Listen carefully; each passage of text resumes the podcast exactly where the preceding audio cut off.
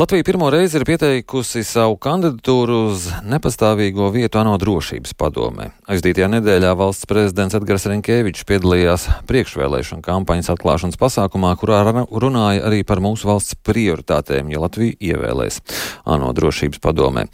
Lai runātu par to, kāpēc tas viss ir vajadzīgs, mūsu studijā saimnes ārlietu komisijas priekšsēdētājs Rihards Kols no Nacionālās apvienības. Labrīt! Labrīt! Tātad sākusies šī priekšvēlēšana kampaņa. Kad tā noslēgsies, kad būs šis balsojums? Jā, nu, balsojums plānots 25. gadā.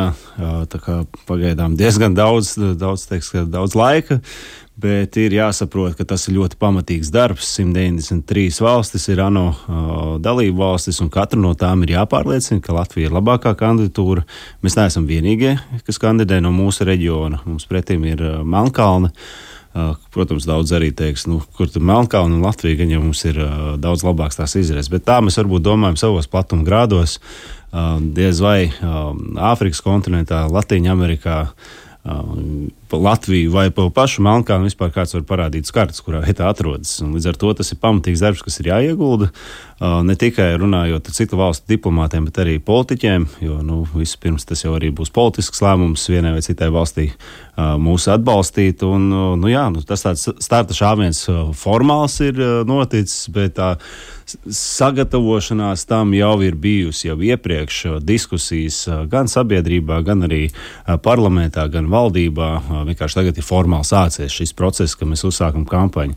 Jo, nu, es kā piemēru varu minēt mūsu um, ziemeļu kaimiņu Sigauniju, ka, kas nosacīja pavisam nesen aizvadīja šo te, uh, nepastāvīgo locekli drošības padomē uh, periodu, un viņi nu, to aizsāka 2005. gadā praktiski pieņēma lēmumu iestāšanās Eiropas Savienībā, NATO. Nu, es domāju, tas tāds arī interesants bija, ka nu, šiem Igauniem arī, ko mēs vēl varam izdarīt, tā tad drošības padomu, jā, ejam uz priekšu.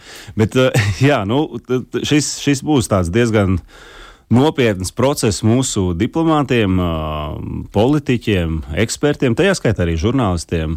Protams, saprotat, sabiedrībā var būt daudz un virkni jautājumu, kādēļ mums vispār tas ir nepieciešams. Tas, tas protams, varētu būt pirmais jautājums, jo. ANO nu, kopš Igaunija gribēja iestāties šajā drošības padomē, ANO ir izpelnījusies pamatīgu kritiku. Jūs minējāt, ka mums jāpārliecina Āfrika. Āfrika ir nepārtraukti militārie konflikti. Situācija Ukrainā, tagad tuvo austrumu konflikts, mm. un tajā visā ANO iespējas kaut kā stabilizēt situāciju, nu šķiet ir apliecinājušas, ka tādu teju nav. Viens neizslēdz otru. Darbība ANO skaidrs ir daudz saredzējuši, ka buksē. Tieši drošības padome palikusi tāda impotenta attiecībā uz drošības garantēšanu pasaulē, jo nu, izveidojot ANO struktūru un tieši šo drošības padomu, tas bija tas leģitīmais mērķis viņai novērst jebkādus bruņotus konfliktus vai ANO statūtu pārkāpumus kā tādus. Um, bet šajā gadījumā ir jāsaprot, uh, protams, daudz teiks, ka nu, es arī dzirdēju, ka aicina izstājamies, priekš kā mums vispār tur vajag būt. Tā ir sev degradējusi organizācija.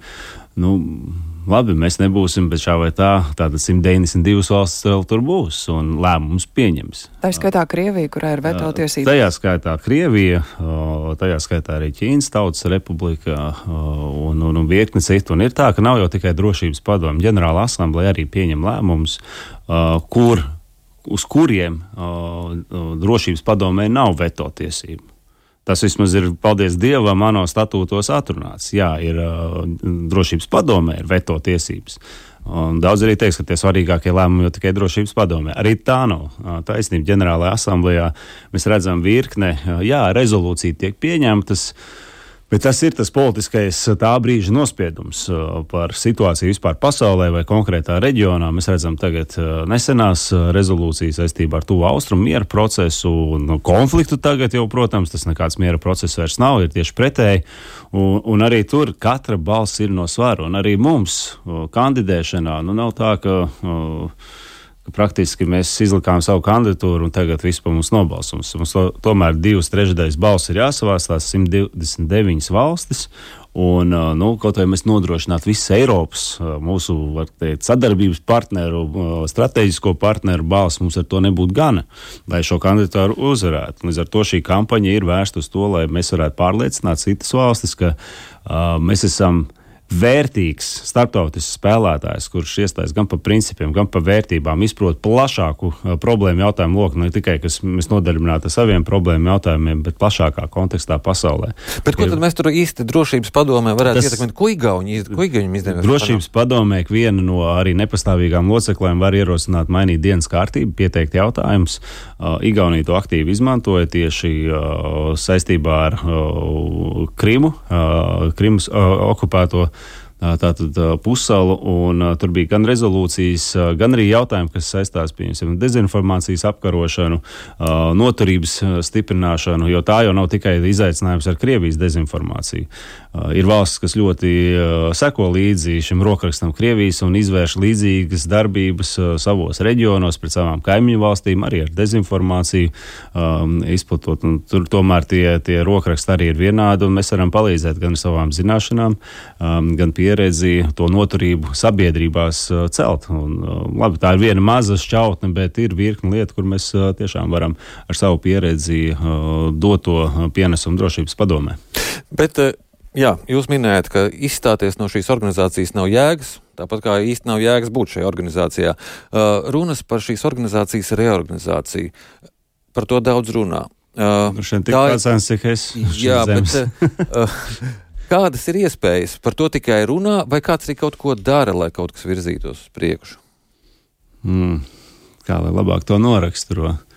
nu, cerība droši vien jau tas, tas, tas viss zināmais teiciens mirst pēdējā, ka kaut kas labais var uzvarēt šajā pasaulē, un uz to ir jātiec.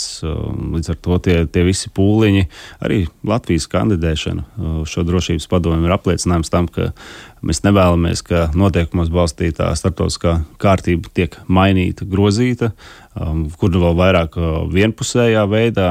Tas ir daudzpusējs formāts sadarbība Un, uh, nu, drošības padome Nu, vienīgais, tas, ko var runāt, ir, ka paplašina drošības padomus nepastāvīgo locekļu skaitu, un, protams, diskusija ir bijusi, ka ieceļ pastāvīgo locekļu. Bet, nu, es, atkal mēs zinām, ka to lēmumu var pieņemt tikai visām drošības padomus pastāvīgajām locekļiem vienojoties. Kur pieder arī Krievija, kur jau sen neievēro nevienas starptautiskās normas. Gribēju vēl vaicāt, Jā. jūsuprāt, kā mūsu izredzes nokļūt drošības padomē ietekmē tas, ka uh, valsts prezidents diezgan skaidri raksturojis to mūsu nostāju nesen mm. publicēt publicētajā intervijā norādot, ka rietumiem ir jāturpina apbruņot Ukrainu, jo mm -hmm. Ukraiņu saka, uh, Krievija uztvers kā zaļo gaismu agresijai pret citām valstīm. Nu, tā ir skaidra Latvijas nostāja, kurai varbūt nebūtu arī atbalsts dažās Eiropas valstīs. Jā, nu es domāju, ka uh, tas, ko absolūti nevajadzētu darīt ne politikas veidotājiem, ne diplomātiem šajā procesā, ko mēs esam uzsākuši kampaņā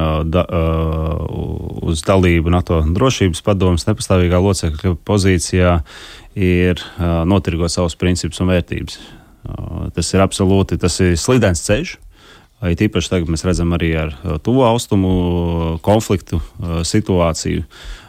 Vienam vai otram var būt bažas, ka ieņem pārāk stingru pozīciju. Tas var uh, citos reģionos valstīm pateikt, ka šī valsts nav cienīga uh, būt uh, drošības padomē.